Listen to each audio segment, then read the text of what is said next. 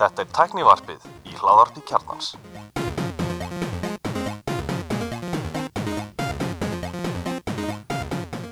Komið í sæl og blessu og verið velkomin í tæknivarpið. Ég er Alli Stefán og með mér í dag er hann, Það er Elmar já, velkomin Elmar. Við erum með hérna svolítið sérstakann þátt í, í vikunni. Já. Uh, við ætlum að byrja hérna á viðtali. Uh, við erum hérna komið með Vigdísu Efi Líndal sem er sviðstjóri Erlend samstarf og fræðslu hjá Personvend. Velkomin. Takk fyrir. Okkur langaði svona að spjalla. Vi, við vorum í spjalli saman hjá Stafrannu Ísland í, hvað, fyrir tveimur vikum, einn og hálfri. Já, eitthvað slúðis. Já. Og okkur, að mér var bóðið sem svona tækni hérna GTBR kall, ég er ekki lögfræðingur og hérna ég er viðskiptfræðingur, höfum það alveg á hreinu. Ég er nú ekki hérna sá djúbasti í, í hérna lögunum ykkur um GTBR, þannig að þú varst fenginn hérna með mér í spjall. Þetta var bara mjög skemmtileg spjall og hérna og það kom í ljós að þú ert hérna mjög mikið fyrir tækni.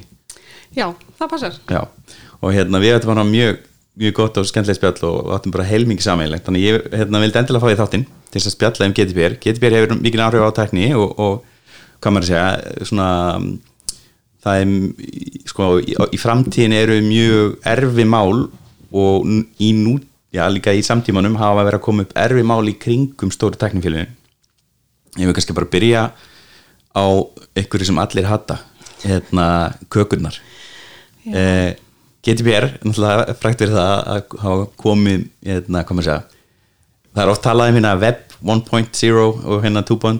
eitthvað og, veist, og vefur 3 koma eitthvað að segja að koma. Ég segja vefur 3 koma eitthvað hafi verið þessi cookies building.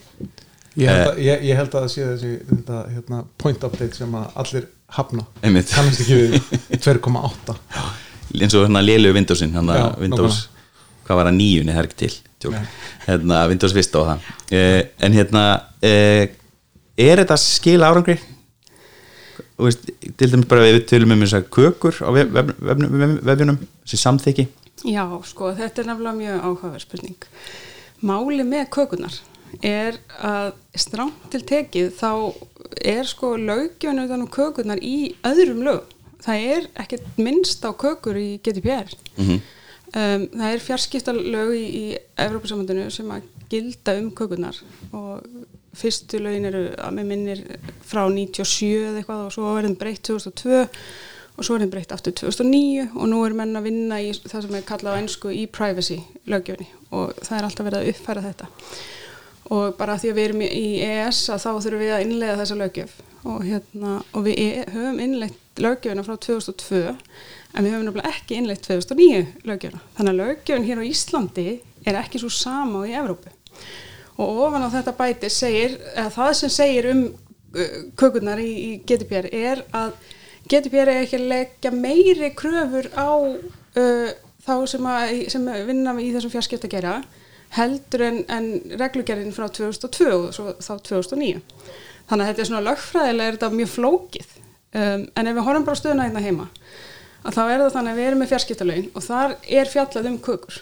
Og þau í raun og veru gera ráð fyrir uh, ákveðnu svona um, hvað ég var að segja að allavega að einstaklingun hafi ákveðna vitundum að kökurnar séu um, og að hérna og hann þurfi mögulega samþykjaðir en máli með þetta er að kökur er ekki bara kökur.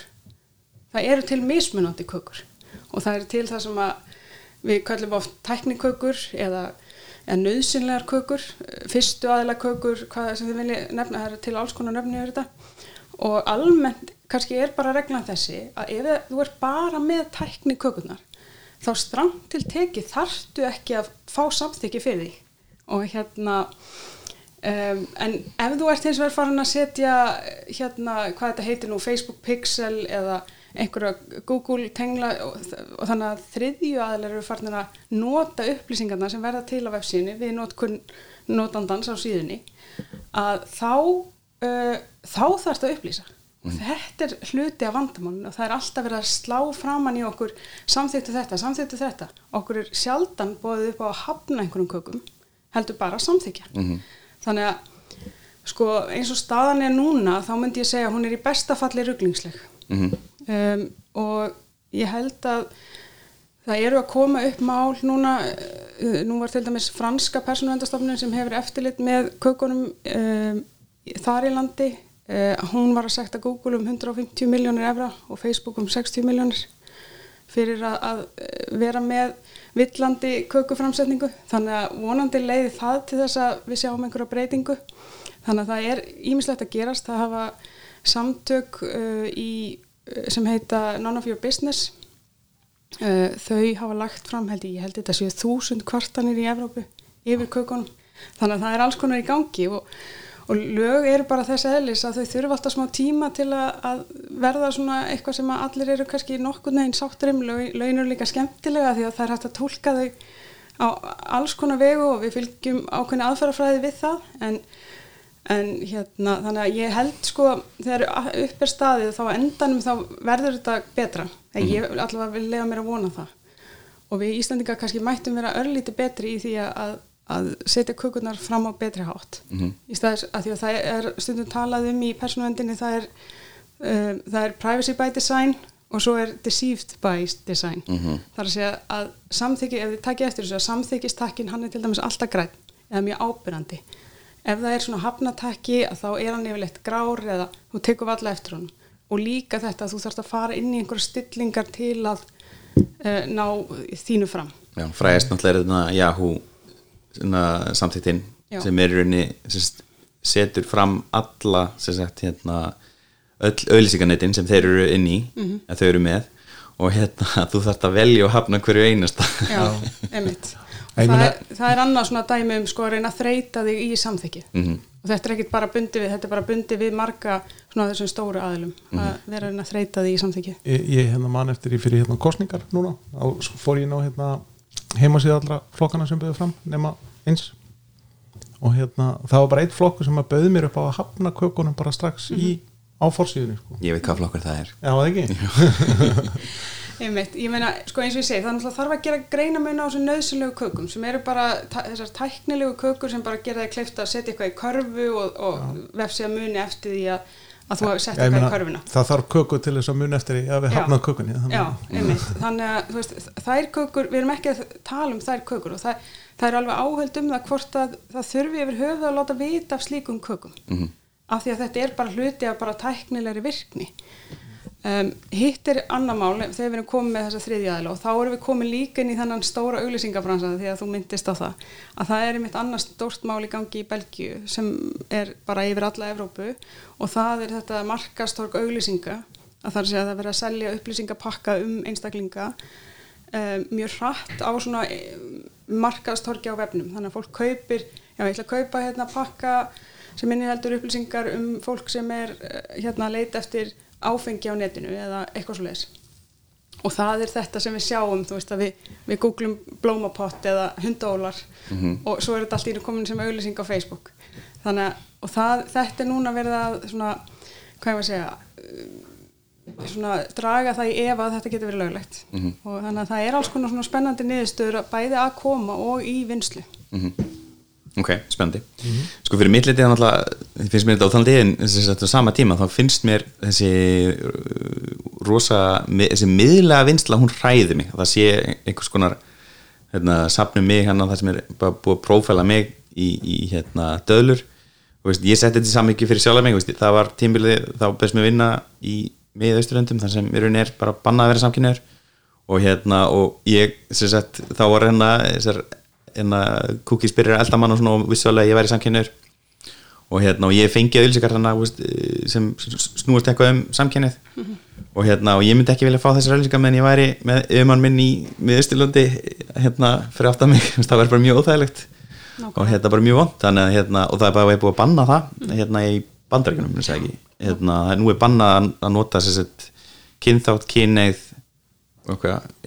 trúaskoðanir og trúaskoðanir mm. til þess að targeta eða byggja upp hérna, vinslu á má ekki vera partur af profilnum já, ekki vera partur af profilnum og það er bara frábært. Og hérna e, og mér finnst þetta mjög ljótt þessum tíma og ég hef alltaf haft afgjörðast að þetta geti veist, verið að trubla aðra einhvern sem býr í Uganda sem er bara þú dreipir fyrir hann samkjöfni þetta er bara mjög hættulegt. Já. og þetta í rauninni það, það áengin hérna í gamla dag þegar hérna valhöll var að sapna upplýsingum sem voru mjög persónugrendi um hvað fólk væri mögulega eitthvað nálagt kommunistafloknum og svona þetta er náttúrulega bara ekki í lægi þetta það á ekki að geima svona miðla til mér sko. Nei og þetta er einmitt þessi umræð, það tengist þessu markastorki að þarna er verið bara að dempa inn ypitölum og hvaða, í raun og veru hvað fólk er að gera á netinu og þetta er talið vera mjög ógagsætt og þetta líka sko kemur inn í einmitt umræðinu um GDPR að grundvalla punkturinn það sem gleymist kannski stundum í umræðinu af hverju erum við að setja svona stór persónuvendalög og hvaða máli skiptir þetta og svo framvegis. Að þá er bara ofta gott að minna sá í, í fyrsta lagi snýst þetta um það að við höfum öll rétt á friðil gengalífs við höfum öll rétt á því að fá að loka að okkur þegar við viljum um, og getum. Uh, flesti til dæmis fara á saletnið og loka að sér. Ekki amma mín. Nei, eða þú veist, ég, ég, þess vegna sagði ég flestir sko. En hérna, og það er þetta, þetta engalíf, það stendur okkur nærri og það er grunnurinn í þessu. Og persónuvendarlegin er ein útfærsla á því. Og það eru tvei, ég segi alltaf að það séu tvö megin stef. Þú varst að hlusta á mig aftur núna hérna, því við vorum að spjalla um þetta. Að, hérna, að það er þetta gagsægi að fyrirtækin og stjórnvöld og svo framvegis segi okkur einfallega á einföldu og skýru máli hvað þau eru að gera. Og af hverju er það mikilvægt? Af því ef við vitum ekki að hvernig eigum við þá að ganga úr skuggum það að upplýsingarna sem verið að vinna með okkur um séu réttar? Að, að, hérna, að við getum gripið til einhverja aðgerða til dæmis mótmælt einhverju skráningu eða hvernig við erum prófíleruð. Um, og svo er það hitt að það er þessi sjálfsákvörnunar réttur og hann kannski kemur aðalinn á fyrirtækin. Það er minna með stjórnvöld, það er oftast bara ákveði lögum hvað stjórnvöld meg að gera og hvað meg ekki gera. Og hérna en varðandi fyrirtækin þá er náttúrulega þessi umræða, hún fer vaksandi núna að gefa einstaklingu stjórn á því um, hvaða upplýsingar er unni með um þær. Og hætta þessu svona eins og ég nefndi hann, svona deceived by design. Að vera með flokna skilmála einhverja lögfræði skilmála sem enginn nennir að lesa um, eða samþykiskerfi sem eru ábúrslega flókin og þú áttar þig ekki á því með eitthvað app í símanum og veist, það kemur þessi langi skilmálu að þú segir bara að grí, að grí, að grí bara til að komast inn í forritið að það er, persónundalögjöfinn segir sko, verið með myndir til að útskýra um, talið á skýru og einföldu máli sem því er ekki fá lögfræðinga til að skrifa þetta mm -hmm. veist, ég er lögfræðingur sjálf en ég veit alveg hvernig við getum verið stundum og hérna og þannig að persónundalögjöfinn setur þetta niður. Og allt í þeim tilgangi að veita okkur einstaklingunum ákveðna stjórn yfir hvað er verið að vinna með um okkur ymmið til að koma í veg fyrir kannski að þú verðir fyrir tjóni eða þú fáir ekki lánið sem að þú ætlar að sækja um að því að þú varst prófíleraður einhvern veginn eftir því hversu hratt þú slóst á liklaborðið eða, eða hvað sko. Þannig að e, það er, er grundvalla markmið GDPR og það er þetta að, passa upp á einstaklingana. Mm -hmm. um, það er, alls, það er önnu markmið sem að lúta fyrirtækjanum að einfalda þeirra starfsemi á Európska efnaðarsvæðinu og og styrkja við nýsköpun og, og allt slíkt. En, en þetta er útgangspunkturinn. Þannig erum við að byrja. Mm -hmm. Mm -hmm. Ég er allan að þeirra skoðunar eða svona, eða, hvað maður segja, með það hugafara ég vona að við séum að færast í rétt áttar að þetta sé að hafa áhrif. Að sagt, hérna, þessi skiliri sem hafa fyllt GDPR séu að velina góða hefðun og refsa fyrir slæma hefðun uh, hérna uh, hefur við sér dæminu í Íslandi þar sem hérna, eitthvað slikt að gerst að hérna, það hefur verið sektað og, fyrirtæki hefur ákveða að breyta hegðun eða er ykkur dæmið það hér? Já, sektarheimildirna fyrir okkur eru náttúrulega mjög nýjar í þannig séð sko, er, við fengum sektarheimildir með innleggingu GDPR 2018 um, hvort að ég bara, ég vona það að fyrirtæki hafi innlegt svona kannski betri starfsætti, þetta eru hvort, eða sem sagt, málin eru undir tíu talsins. Já, ok. Ef þú setur það í samhengi við að persónuvernd er afgreðum 3000 mála ári sko, þá, þá er þetta ekki opaslega oft en þetta eru kannski alvarleiri mál. Mm. og, hérna, og ég vona það að þessi umræðum sekt en hún kannski er mitt leiði til þess að því að eftirlit, eða persónuvernd er mjög sérstökstofnun á mörguleiti að því að hún er, hefur eftirlit með öllum nánast, bæði stjórnvöldum sveitafélögum frjálsum félagsamtökum um, og fyrirtækjum náttúrulega bara öllum þeim sem vinna persónuupplýsingar með nokkrum undatekningum og það er náttúrulega gríðarlega yfir, yfirgrips mikið starf en hún á líka að vera sko leiðbynandi mm. og svona ganga fram fyrir hvað við segja, skjöldu og, og koma með leiðbynningar og í Evrópusamstafinu sem við erum í sem er mjög viðtækt og þá er verið að vinna mjög mikið að leiðbyningum þannig að það er mikil vinna í því að reyna að koma þeim áfram með mitt til uh, þeirra sem þurfa að fara eftir lögjöfunni og hérna, sérstaklega út að geti björð þá svona ímislegt sem var nýtt og, og það, er, það er vinna að koma því öllu yfir uh, og koma því til skila og skiljanlegt form Ég hef allan sjálfur verið í verkefnum þar sem hérna, eins og núna nýlega þá er ég byrjar að, að tala um Cloudflare Analytics frekar heldur en Google Analytics því maður veit alveg að allt sem fer inn í Google skíi það er bara veist, það fer inn í hildýpið og, hérna, og Cloudflare er, er meðan hérna, privacy focused hérna, persónuvendar option Já. fyrir hérna, vefstjóra og fleiri.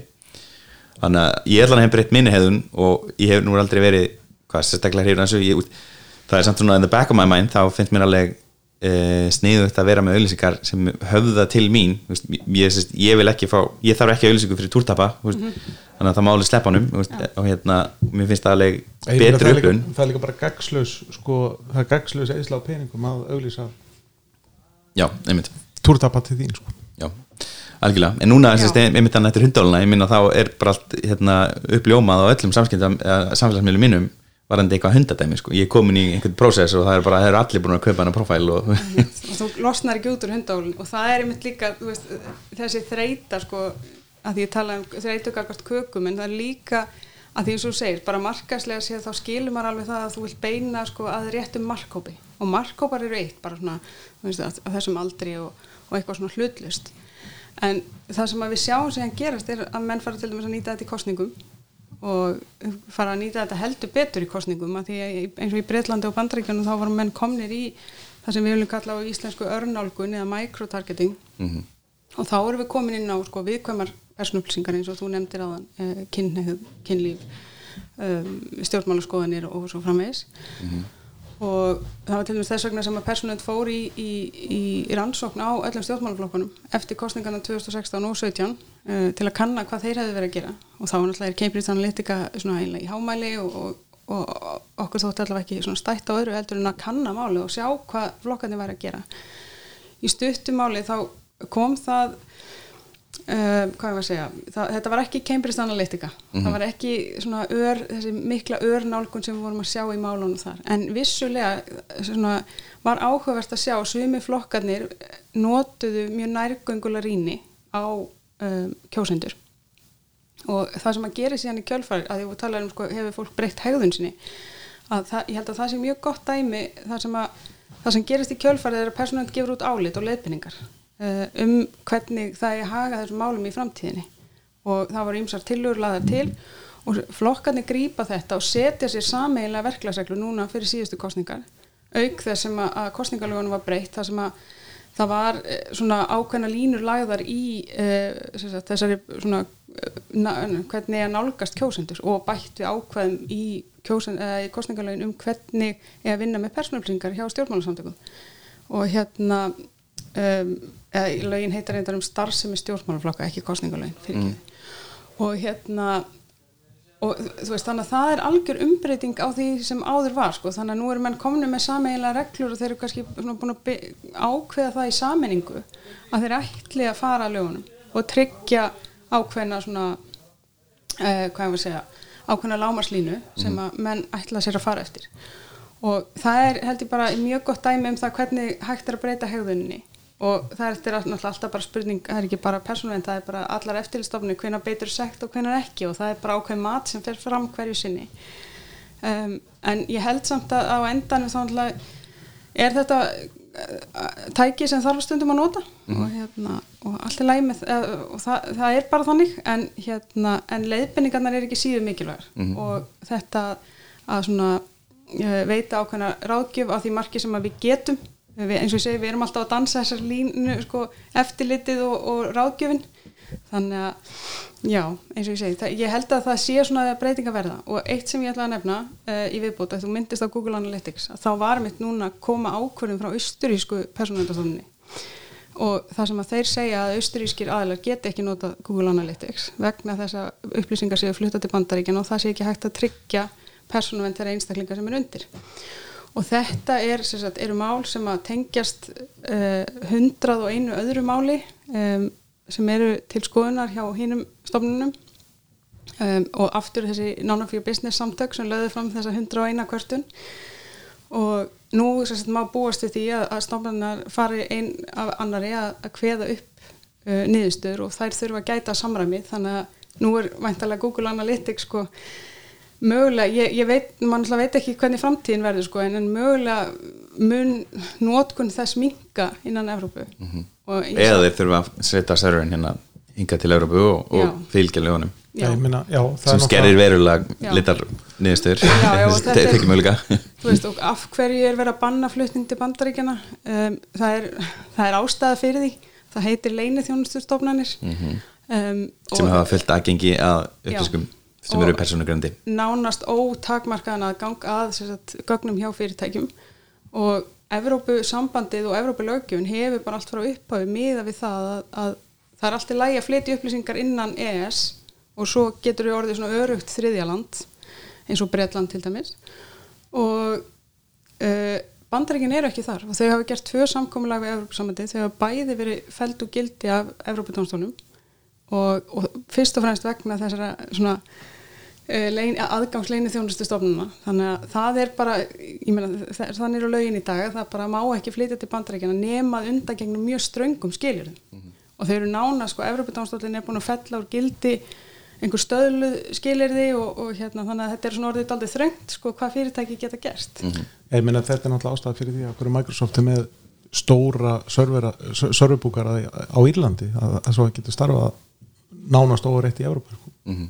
Já og Facebook er líka með það er náttúrulega margir af þessum stærstu við ætlum að tala um þá Já. þessum stærstu aðlum að þeir eru með starfstöð á, á, á Írlandi, Írlandi. Finnlandi Já og svo er ég, ég held að Amazon sé sko það er Amazon eitthvað einni viðbót sem er í Luxemburg mm -hmm.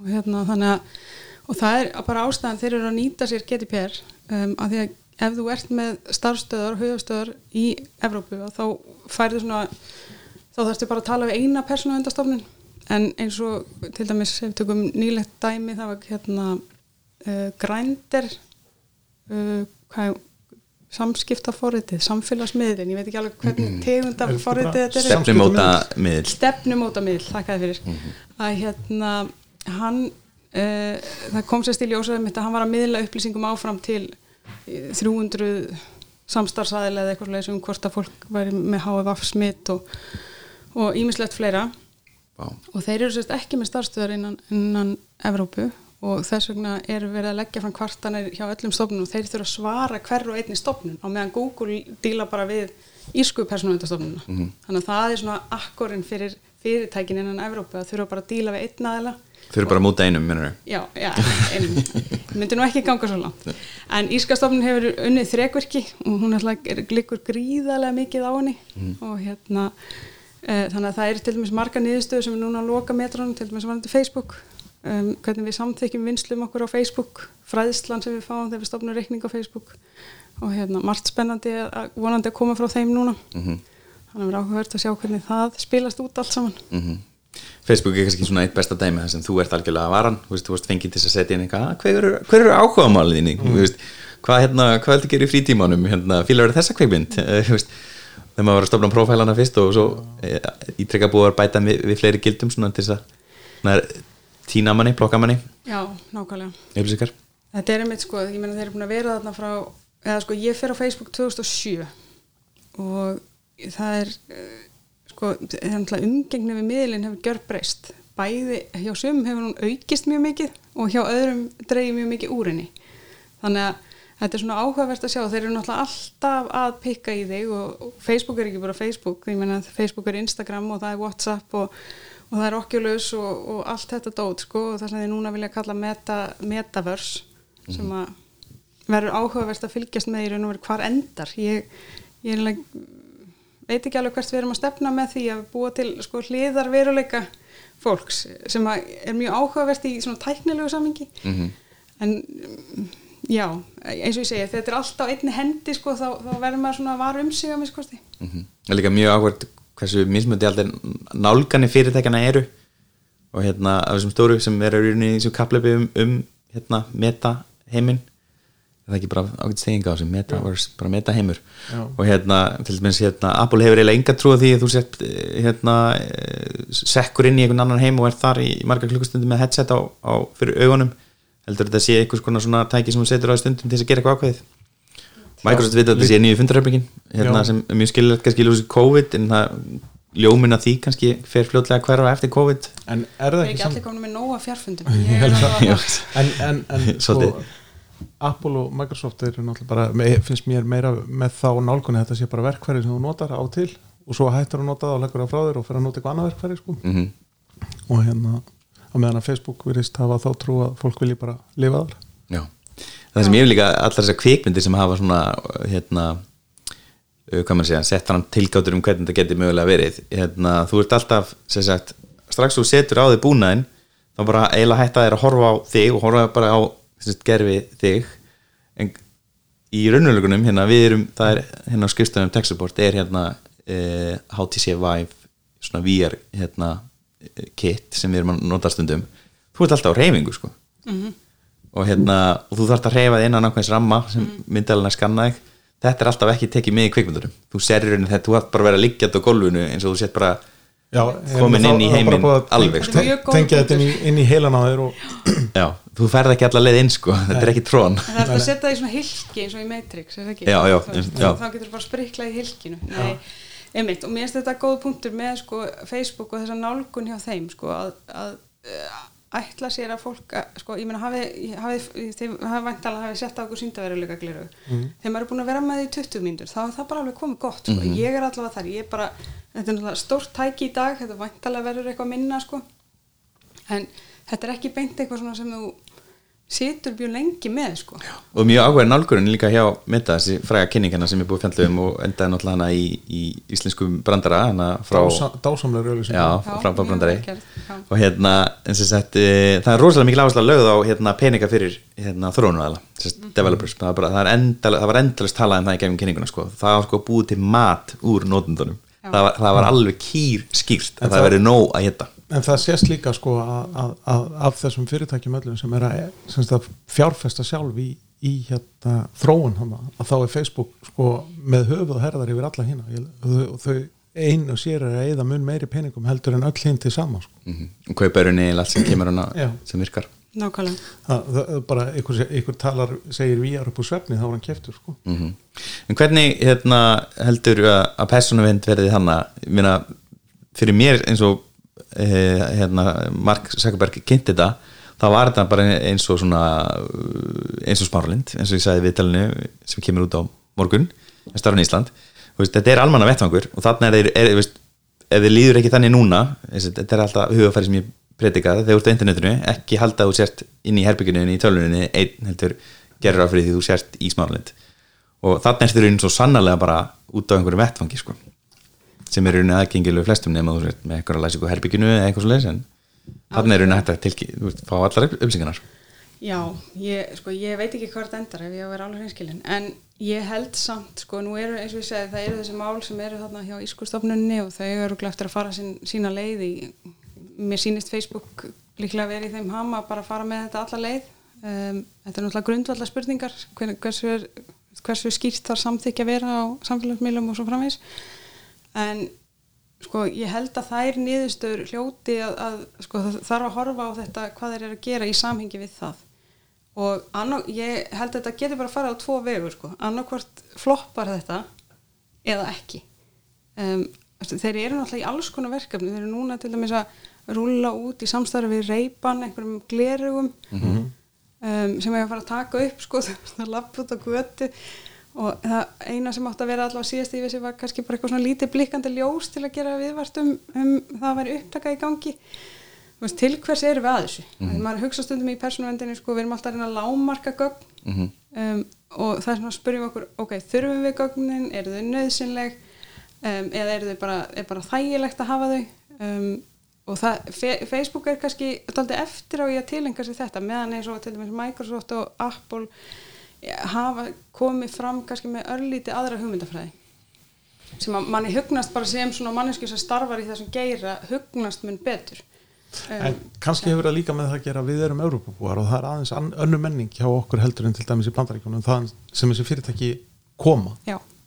Veist, að, hérna, að okkur er meira andum þessa hluti heldur en ofta á tíðum bandarækjumann Já, einmitt, mjög góðu punktu með það að sko bandaríkjamenn til dæmis bara hvað var að friðilgi yngalýsins það er, það er allt annað konsept í bandaríkjanum heldur en í Evrópu. Um, í Evrópu er þetta náttúrulega nátengt uh, því sem gerist í setna stríði og síðan hérna í Östu Þýskalandi uh, fram að falli Berlínamúsins í Reykjavík, uh, já, Valhöll. Ég meina, og ég meina það var einmitt skráðu mjög ítalegar upplýsingar um kommunist á Íslandi og svo framvegs, en þetta er miklu, sko, ef við tölum um munin á Evrópu og, og bandaríkjunum, þá er, ég segi ofta, sko, við á Íslandi erum oft í miðjunni, mm -hmm. af því að við eigum ekki kannski þessa rosalegu sögu sem Evrópa á. Ég meina, þjóðverðar og frakkar fá, sko, andateppi og þurfa andi í póka þegar einhver segir orðið þjóðskrá, mm -hmm. sem okkur Já. finnst mjög eðlilegt og þegar maður sem var bara við reynd um daginn í heilsinni með öllum fjölskyldumerkingum af strætópum Já. Já, þú veist, og það er, svo, það er þess vegna svo mikilvægt að vera með allt, hérna, vera með allar örgisvarnir sem þú getur verið með um, Svo er líka ekkert mál að kaupa þessa þjóskrá, hún kostar 400 skall eða eitthvað, Já. getur fengið hann alla allan gargrunum. Já, þeir eru, nú eru þeir að breyta þessu eða hvort þeir eru búinir að því að, að þeir eru ekki lengur að afhendana heldur bara, þú bara veita þér aðgengi Já, þú veist, Já. þú bara kallar upp Vefkall, Já, sem er náttúrulega miklu kannski örugara svona þegar er betra. tíma leitið betri reikjanleiki. Já. og hérna þannig að þú veist það eh, já, hvað ég var að segja það, það, þarna er ákveðin grundvallar munur á svona bandaríkjunum og, og Evrópu en líka á okkur til dæmis og, og Evrópubúm af því að við, þú veist áttum ekki ömmu og afa sem voru í setna stríði eða hvað það var sko eh, nema kannski einhverju örfáir hérna á Íslandi. Já, gulli. Gulli, þannig að hérna, þú veist ég, maður finnur það bara oft úti þegar maður er hérna, í þessu erlenda samstarfi að það er svona eh, hvað maður segja, það er, það er annað svona önnur eh, nálgun stundum á hlutina og kannski ég er ekki að segja að hún sé betri heldur en íslenska en ég bara En eh, það er þessi... bara partur af menningunni sko. já, og menningin, það er svo mikilvægt að taka hana með í reikningin um, en samt þurfum við náttúrulega bara að gæta því þetta eru bara sama evróska reglur og við þurfum að reyna að tólka þær meina, þvert á, á sviði kona mín er því sko, henni finnst alveg dásanlegt að það sé bara hægt að gefa upp eitt númer og þá bara er, opnast allar dyr heimsins fyrir þér einn þessi kennilina. Einmitt. en í Þýskalandi er það ekki alveg þannig Nei, og það, þetta er, ég meina kennitölunótkun á Íslandi hún fyrir, eða sko fyrir bæð, og þá, er ég að tala um sko bæði í bandaríkjunum og í. Evrópu það, bara, það botnar engin eitt í þessu. Einhver sagði mig, við mig, já en að því við erum alltaf að þylja kennitölun og það mingar það líkurnar og auðkenna þjófnaði, ég veit ekki hvað er til í því en hérna, að því auðkenna þjófnar var allavega mjög svona fátíður á Íslandi. Og hérna þannig að veist, það, það er alls konar hlýðar á því en það er til dæmis eitthvað sem þykir mjög sérstakt hér, að við erum alltaf að nota kennitöluna, hvort sem við erum að versla í, í uh, rafurverslun eða, eða fara til læknis. Á meðan eins og í Noregi þú bara gefur upp símanúmerið þitt í, í vildarklúknum hjá hérna uh, næstur hérna búð sem þú ferði í. þannig að það er svona já, þetta er, þetta er svona, það er blæbreið munur þarna. Og hérna Mér finnst þetta íslensk fyrirtæki líka að vera mjög snögga til sér svona tæki til þess að koma í veg fyrir misnögun á kennitölum eins og hérna, ég, ég er náttúrulega búin að vera lengi í fjarskyndagerunum eins og Elmar, Elmar kannski ekki í þessari lið en hérna framendanum en hérna, þú veist, öll framöndikerfin eru komið með þess að þú getur rafrænt aukent hérna, þess að með einhvern á línunni sem er að krefast þess að fá sundilun símtala með hérna, sem sagt, bara SMS-aukinningunni eða aukinningsappinu og þú, þú getur líka, sem sagt, þú ert með eitthvað e-mail sem pantaði þig og er skráður tengilegur þú getur senda á það, hér- eru gögnin, þú færð ekki sendt gögnin neitt annað. Eða gögnin eru inn á mínum síðum. Ég, er, ég sé ekki þessi gögn, þú verður bara að fara sjálf inn og, og lokkað inn með þínum tólum sko, I'm not touching this þannig mér veist, við, við vorum fljóta til okkur, okkur þessar réttu rafrannu aukningarleðir til þess að koma í veg fyrir svona misnökun í bandarækjunum sko það var ennþá að vera að horfa á rithanda sínið aftan á einmitt. hvort að það matsi í Einmitt. þannig að þú þarfst að fara með vegabrif uh, eða eitthvað svona national identity í aukurskirtinni og þau bera það saman. Einmitt. Og svo er engin mynd það er enga myndir á kortunum sem hefur náttúrulega verið talsist Það- auðvildari leið til þess að aukina það ég tíðkast bara hverki annars stærn á Íslandi sko. Já, að vera myndir á kreditkortum. Já. Og þetta er, já það var nú starf annars staðar. Ísleika fundið þetta upp en það var, byrjaði starf annars staðar í einhverju öðru landi myndi gera. Er ég er ekki viss nei ég, ég, ég þekki það ekki en, en eins og ég segi, þetta, þetta er náttúrulega svona, veist, og þetta litla samfélag það er aðeins öðru vísi. En, en upp á þetta gera, þú veist bara almennt séð, þá er held ég líka eins og við varst að tala um að innlega nýja lausnir og svona að veist, það, er, það er mjög gott. Og maður sér það eins og ég bara þekki ég heyrði af því í Þýskalandi til að fá bólusetningu ég held að þú þurfa að fara sjö, þrjá til, það var annarkvort þrýr eða sjö mismunandi staðir til að fá alls konar stimpla og eitthvað svoleiðis, á meðan hér þá er bara ránar skilriki og, og svo framvís þannig að við erum mjög framalega hvað varðar innleiðinguna á tækninni. Og það sem að við erum svona að lega okkur kannski að benda á og erum svona að reyna að gera meira á því er að fá líka bara fyrirtækin í að hugsa um persónuvendina alveg eins og núna eru fyrir, öll fyrirtæki mjög mikið að hugsa um neturiki og við segjum ofta að persónuvend er fjórða stóðin í neturikismálum þannig að það er alltaf verið að hamra líka á að öryggi sé í lagi. og sérst með nýjastu uppfæslunar þú sérst búin að dulkóða það sem það er að dulkóða þú sérst með réttar auðkenningaleðir þannig að það er gríðarlega mikilvægt líka að reyna uh, svona að stíga fram og segja sko, veist, þetta, þetta þarf að vera í lagi Mhm. Og, hérna, og það er þess vegna einmitt að því að alþjóðlegi persónuvendadagurinn er á morgun við erum nú ekkert búin að minnast á það Já, þessi þáttu kemur þó út á alþjóðlega persónulega undardaginn. Já. Það er skemmtilegt. sem er mjög skemmtilegt en þá ætlum við til dæmis uh, sem hluta þessu að fara í hérna, eða kynna til söguna svona, ég, hvað er maður að segja já, við kallum þetta bara sandkassan Mhm. uh, og við ætlum að bjóða upp á samtal við þá sem að fyrirtæki eða já, þá sem vilja þróa lausnir í gerfugreind uh, á sviði heilbyrðisjónustu uh, og koma sérst, í samtal við okkur og við ætlum að gera þetta í samstarfi Embætti Landlæknis og Stafrand Ísland um, og sandkassin verður svona, hvað maður að segja, tæki eða tilraunaverkefni uh, fyrir þessi fyrirtæki að vera í daldi þéttu samtali við eftirlistofnuna og fá ákveðið svona rými til að þróa gerfugreind á réttan og ábyrganhátt. Um, við erum að leita lausnir sem hafa mikið samfélagslegt gildi til hæðarauka fyrir heilbreyðisþjónustuna um, til að einfalda líf allra en eins og ég segi þannig að það uppfyllar skilir í lagana. Og við erum mjög spennt fyrir þessu verkefni. Um, Ok, menn nú langum við svolítið að vita hérna, hvernig þróa maður gerigreind á, hvað maður segja, óhendugan eða vondan móta Sko- hvað, hvað ber, ber að varast í þessu? Já, ymmit. Þetta er góð spurning. Af því að gerfugreindin, hún er kannski þannig að um, hún, hún getur orðið mjög hratt, ef þetta er ekki gert rétt, þá getur hún orðið ósangjöld. Og það er kannski stærsta vandamáli sem við sjáum svona í fréttunum og það er þetta að hún er ekki gæta að jafnræði. eh, Það getur frækt dæmi það sem hvað, var- var það ekki Twitter eða eitthvað sem var með einhvern svona eitthvað AI sem var bara Microsoft. nazisti á Microsoft sem var með þetta, var, Microsoft. þetta var eitthvað bóttið sem þið voru með og, og það tók cirka held ég kortir að gera hann að, að sko, já, raging racist Já. Já, einmitt og það er eitt dæmi, annað dæmi það var hérna frækt, held ég þetta aldrei gamalt samt, það er, það er um Amazon hérna sem maður reyndi að fá í mannus hérna málin gerfigreind og hún náttúrulega tók bara fyrirliggjandi gögn úr fyrirtækinu og greindi þau, já, hvaða einstaklingar erum við að ráða, hérna hefur við ráðið síðustu tíu árin og hver eru svona lengst og hver er á framgangi í starfi. Þannig hún komst að einhverju niðurstöðu og svo fór hún bara að ráða fólk. Og hérna, svo fór menn svona að skoða þetta og þá kom í ljós að hún var eiginlega bara, ég nú man ekki alveg hvernig skilinum voru, en það var eitthvað á þá leið að það var eiginlega bara svona, með, meðaldra kallmenn sem hétu Bob og hjóluðu í vinnuna eða eitthvað svona, það var eitthvað svona algjörlega rosalega abstrakt eitthvað. Já, og þetta er þessi mismunum sem er ákveðin hætt á. Og við viljum reyna að koma í veg fyrir. Um, þannig að óheiðarleg gerfugreind, ég veit ekki hvort að hún sé til en, en allavega þannig að inputið og þjálfunin og gögnin sem við erum að vinna og þau séu rétt og við pössum það að hún leiðir, að það séu leiðiréttar þessar villur það er mörg dæmi í bandaríkjunum þar sem er verið að þjálfa til dæmis andlitsgreiningatækni og hérna minni hlutahópar er ekki tekni nægilega vel inn í uh, þjálfunina. Já, ég meina bara myndavélar í símum eru bara frækt dæmi um það hversu svona, hver bæjasin er sko. Já, þannig að þetta er hérna þú veist, það eru alls konar áskoranir hérna, en við allavega trúum því að þetta verði svona allavega fyrsta skrefið í því að, að, að, að gera kannski bæ, bæði sko til að auka þekkinguna okkar megin uh, hjá persónend á því hver er svona praktísku uh, atriðin við svona að taka gerfgreind í nótkun. Við, við viljum læra þessu líka sko.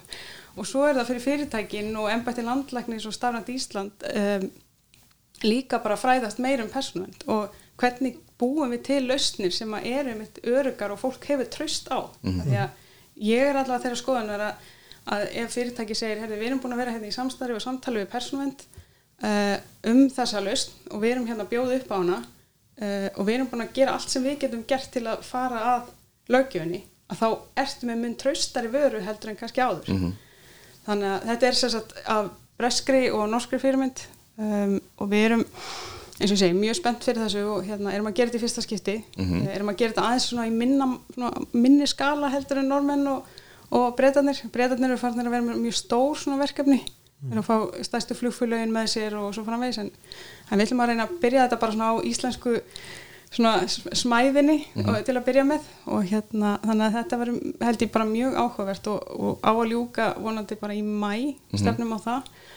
Og þá með leiðbenningum með mitt fyrir samfélagið. Eh, bæði fyrir einstaklingana, hvað þýði gerfi greind hvað gerur hún og svo líka fyrir fyrirtækin. Veist, hvað, hvað eru, eru svona einhver segja hætturnar og hvernig leysir úr þeim. Þannig að við erum að reyna að nálgast þetta frá svona jákvæði sjónaröfni Flott. Hverjir eru svona hérna uh, er það ósk eftir einhvern til að taka þátt í með einhver, hvernig virkar Já, við erum að hérna, sérst, við að þetta verður gert ofinbert á morgun sem uh, þess vegna er ég að segja þetta við ykkur núna. Að hérna, við byrtum á vefsíðinni en við ætlum að opna fyrir umsóknir 28. februar, sérst, eftir mánuð og svo núna bara fljótlega í byrjun februar þá setjum við mjög mikið efni á vefsíðin okkar um sandkassan og hvað þýðir, hvernig virkar þetta. Um, og já, þannig að þá hef- hefur hafa þessi alveg kannski smá tíma til að hugsa sig um og síðan verður bara að fara í það að meta umsóknunar og við gerum það með landlækni og, og starfun Íslandi. Því landlæknir eðlilega hefur kannski mesta svona ef maður segja þekkingun á því hvað hvað, hver, hvað vantar og hvað þurfum við að einfalda? Já. og hérna þannig að ég bara ég er mjög spennt að sjá hvað kemur út úr þessu. Já, spendi. og, hérna, og svona hvort það verði margir sem sækjum og, og svona þetta er aðeins öðruvísi nálgun held ég kannski heldur en við höfum áður verið í bara með svona einhverju leiðbenningum á VF og svo bara vonandi trítlar það eitthvað sko. En þannig er kannski meira svona proaktíft verið að vinna með þessum geirum. Og ef þetta gengur vel þá vonast við bara til þess að geta tekið bara alla geira. Það eru stóru markmiðin sko. Og hérna og skil alltaf þá bara hverjum gera. Það er náttúrulega sér þarfir í hverjum gera fyrir sig. Það er ekki alveg, gerir ekki sömu kröfur til heilbriðstjónustu og síðan kannski verslunarkerfa mm það er það er svona ákveðin munur þarna og við erum í persónuvendalöginu, við erum alltaf að reyna að finna ákveðin svona balans út frá upplýsingunum sem eru Já, undir í hvers stundum getur persóngreindu upplýsing, upplýsingar berga lífi í helbrískerunum Já. en það skiptir engum máli þú veist, þegar í Nei. bílinu þannig að þú veist, og þú gerir líka mismunandi kröfu til öryggis og allt það sko. Þannig að, já. Þetta er ljóma spendi hérna, ég segi bara takk fyrir að kíkja til okkar, Já. og hérna og til bjóða við- mér. já, og til hamingjum við daginn á morgun. Hérna takk fyrir það. eh, það er eh, þá daginn í dag það er í dag. Daginn í dag. Alþjóðlega persónu vendadaginn já, takk fyrir. Takk fyrir sem leis Já, þessi þáttur af teknafninu, hann er í bóði Makland og Elko Makland er uh, hérna, söluðali Apple vara á Íslandi. Já, voru Og- þau ekki formlega að færa vegstæði sitt yfir í kringluna núna bara í síðtöku? Jú, mér heyrist það á honum herði uh, hérna, því sé lóki núna. Já, og þá er henni er sem sagt loksins vegstæð og vestlun á sama stað. Mjög huguleg vestlun ég er nú ekki fengið að kíka bakvið Viltu kannski byrja um það? já, mm, ég var hann um daginn og kom alveg tveir og spurði hvað Arjónbanki veri og hérna uh, hann er ekki lengur í kringlunni hann er farin borgatóni já, borgatóni, einmitt. Uh, já, og svo Elko hérna sem um, er líka að selja líka en selja líka miklu meira af öðrum vörum kannski ekki beint í, í samkeppni. Já, hvað, já, jú, jú. Og hérna, ég sé núna að vera að leggja ofar áslögu á hérna e, loftstekingapotta, ert þú komið svo leis? nei, ég er ekki með airfryer Nei, margir búin að spá í þessu hérna, og, og margir búin að tala gegn þessu. Ég, veist, ég hef náttúrulega svona, ég setti mig eitthvað inn í þetta og komst að þetta væri eiginlega bara svona sama og convection stillingin inn í opni, veist, sem er þess að viftu Já. stillingin. Já, ég meina Andri Valur valdi þetta græði ársins í þætti ársins Já, það eru náttúrulega kostið við þetta sem, sem opnin hefur ekki. Þetta, er, sem sagt, hérna, þetta eru lítiltæki með svona skúfum sem er það held að, að þrýfa já, þú átt að ná meiri hita og geta svona betur stýrt hitanum Já, og fyrir í gang kannski, þetta er minnatæki. Já, nákvæmlega. Eh, ekki að blengja kæla sig og svona þú veist. Já, einmitt. Hérna sé ég það mjög gott frambóðan sem, sem ninja græjum. Ninja, heilsugrill og loftsteikjupottur Já. Já, ég veit ekki, ég er alltaf reyna að forðast að setja fleiri tæki. Um skúfur sko eða upp á borð. Maður þarf að keep it simple. Já, maður þarf allavega að hafa pláss fyrir það, það er alveg gefumál Já, mér langar samt í annan op sem taka það er mjög mikill kostur. Ég reykja mig á það að, að stundum þá þarf maður hinnopnin sko. já, ég var að veltaði fyrir mér ekkert að kaupa mér hérna svona það til eitthvað svona smart oven June mm smart oven. Það er ekkert svo dýrir að standa bara upp á borðið sko. já ok. Já. Uh, Ná- að þekkja lagsflagið mitt sko, og geta haldið það fyrir mig Svo, svo er hann komin í sölu hérna Galaxy S21 FE Fan Edition hérna Já. sem við tölum um ekki, tölum um hann í sinns þetta síðast þetta, já, hann er hérna á 130 skall Það er- uh, freka stíft myndi ég segja. uh, hann er 20 skonum mótri, vorum að tala um að basically Samsung Galaxy S21 væri raunni á þessu verði já, uh, erlendis, en hann er raunni þetta er 20 skonum mótri hérna heima. Og mér sýnist hann að vera til í allana þremur litum þessi FE já, grár, hvítur og græn en já e, þá komið að tæknifréttum. Já. að byrja á íslenska horðinu og, og hérna það er bara held ég frekar stór frétt svona, Já, svona, svona fyrir mittlitir, finnst það spennandi. Mér finnst það mjög áhugavert og hérna skemmtilegt en það er hérna góðvinnur tækni varpins já, hann hérna Hjálmar Gís, eh, Gíslason. Gíslason sem er stofnandi. Já, hann er að vinna því að reyna e, maður segja, umbreyta hérna, töflureiknum. Já hann alltaf byrjaði, byrjaði þarna sagt, við erum að tala um grid svo að það sé á hreinu. Og hérna hann byrjaði náttúrulega að nota raunverulega bara uh, sitt ofan á fyrirlíkjandi ekki? og þú gast bara sett gögnin inn og, og, og gert þau falleg og, og svona þannig að, að það væri gaman að byrta þau. Mhm. og ég man hérna í upphafi COVID að þá var hérna hann hérna Vilhjálmur í, í miðin, nei, ekki, ekki heitir það, ekki miðend jú, jú, er ekki með þetta. Sem að hérna var að byrta svona alls konar gögnum upp úr hérna COVID-punkturi sem að var mjög gaman að sjá. Og það var allt saman inn í grid og hérna og Hjálmar hefur líka svona á og til verið að byrta skemmtileg skjöl í, Mhm. í grid Já, sérstaklega í COVID-tímum þar sem tölfræði er orðin hérna, tölfræði kunnáttu allra nema Efi Ágústi hafa aukist talsvert. Já, nákvæmlega. Hérna, en hvað er grid að gera núna? Sko sérst, eins og segir, hefur alltaf verið þessi viðbót Já. og hérna leggst ón á einhverjum töflur hérna eins og Excel eins og, eins og ég skilda. Eh, en núna eh, er grid að stiga það skef að þau, þau ætla að láta lausnina verða hérna fullvaksta töflureikni Já, st- verða sjálfstæð. Verða sjálfstæð og hérna og, og hérna það er svona gert hvað maður segja, það er svona gert hérna fyrirsögninni mjög leiðandi í, sér greini, þess að viðtal við Hjálmar hérna hjá uh, viðskiptablaðinu. Já, vfb.is og það er hérna sagt í teitlinum gritt í samkynni við Excel en hérna það kemur hérna fram í viðtalinu síðan sko.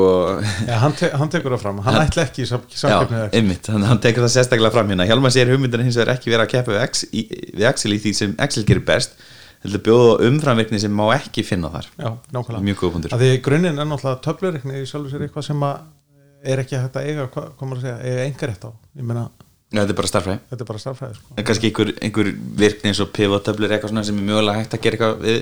Já, einhver að takka á eitthvað viðmót en, en hérna, starfræðin er náttúrulega bara fair game sko. Já, nákvæmlega. Já, mér það hérna spennandi að þetta er svona, hvað maður að segja, heróp. Já, og, og ég held að sé kannski ekki brjálu stefnumbreyting mei, mei, mei eh, sko ég myndi segja að viðskipta líkun sem byggjast á lausn frá uh, aðila sem uh, hagnast af þeirri lausn. Ég, held að það sé mjög erfitt uh, eins og hérna, Steve Jobs sam, sagði til dæmis um Dropbox. Veist, hérna, varaðin er bara fítus og þegar mér langar að búi til hennar fítus í mínu kerfi þá er varan þín veist, döð já, og hérna því hún var alltaf bara fítus. Já.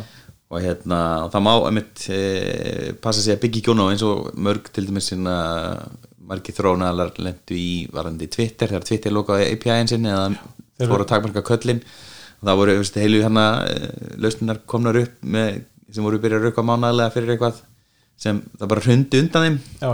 e, viðskiptagröðtöldurinn þannig að það er aldrei sniðut að byggja svona eitthvað eins, eins og Excel sem hérna Microsoft á. Og Microsoft eru auðvitað með svona þrjú, 3000 lögfræðinga í vinnu myndi ég ekki ska þú vilt ekki vera það sko. Já, örglega en, hérna, en allavega að þá, hérna, þá er þetta bara mjög spennandi að ég, en kannski, það kemur líka fram aðeins í viðtalinu að, að, að hérna, Hjálmar hafi kannski, eða þau hafi uppalega kannski aðeins ofmetið það hvað fólk vill byr, gera gögnin sín falleg sko. Mhm. þannig að, að mögulega er þetta líka leið bara til þess að, að aðgreina sig meira frá keppinautunum og, og svona mm.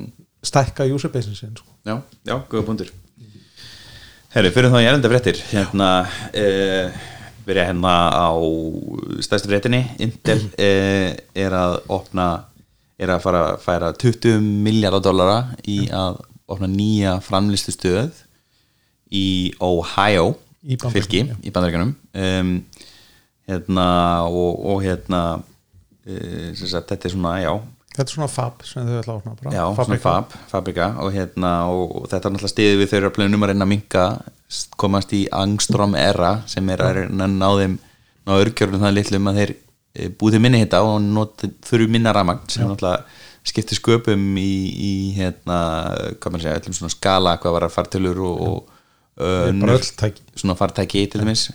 Apple, eh, nei, hérna Intel hefur reyndar ekkert verið að framlega sko í, í bílana eins og kemur fram henni í góðri yfirferð The Verge hérna, margir kannski heldur að þetta væri að fara að leysa einhvern vanda fyrir bandarska haggerði sem er náttúrulega er svolítið að stöttra núna því að það gengur illa að koma bílum út um hurðina því að þeir Já.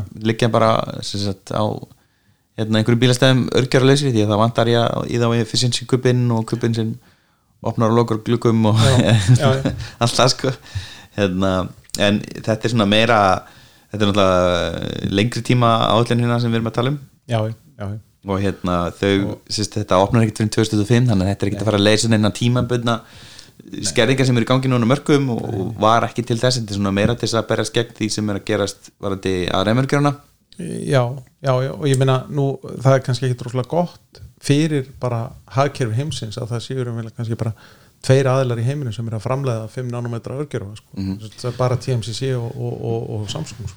Og það er svona, sko ég var að hlusta á viðtal, eh, nei, ví- YouTube-vídeó um sagt, þessa nýju kynnslóð og mér minnir að það hafi verið Dave 2D sem var sérst að fara svona bara yfir hvað er sérst framtíðina núna í, á þessu markaði, hún væri mjög spennandi sérst fyrir fartölu sérstaklega sko, sérst það var raunin hans svona vendipunktur og hérna og hann raunin segir hann eitthvað í lokin sem hérna þegar hann er að fara yfir þennan 12 gíslaður Intel Alder Lake örgjura sem sérst hann var að fá benchmarks fyrir sem er að mælast alveg rúslega vel og hérna en á allan hátt orkunýtni á það ekki? Jú, jú, einmitt. Og hann er ekki orðin einn smár. Hann, ég held að hann sé t- tíu en, tíu náðum þeirra en Nei, er ekki konið í sjö, ég held það Nei, hann, hann heitir einn til sjö en þeir, þeir eru tíu. Já, ok, bara svona þess að ruggla ykkur. Og hérna, og hann sagði að segja hann að í lókin þegar hann er búin að fara yfir Intel örgjuran að hérna, og þessa kynnslóð að hérna, ef að Ryzen örgjurnir væri ekki orðin svona góðir og Apple væri ekki með svona briljant hérna, eh, flotta ARM örgjuralínu þá væri líklega bara að koma ennunur kynnslóðan af 14 nanometra Intel örgjum það, þú veist, Intel, Intel er ekki að breyta vegna þess að þau ákvaða að breyta Nei, heldur vegna þess að það þau er urðu að breyta. Það er viðbrað, sko, það er og það þarf þessa peninga, það þarf að setja nýtt fab. Og, en það kemur hana fram í The Verge yfirferðin sem er mjög góð hún er mitt fer yfir það sem aðrir eru að gera uh, uh, hérna, eins og Samsung er að gera bara mjög svipaðan hlut í, í Suðukoru og er að opna þess að risa fab sem á að vera dýrari og stærri og betri. Já. þannig að það er að koma sko helviti mikil harka á þennan markað. á þennan marka já, sko. já, já. og svo náttúrulega er, er hérna já, svo tér sem sér náttúrulega langstæsti aðilin á þessu markaði í heiminum í dag. Já, einmitt. Það er bara þannig.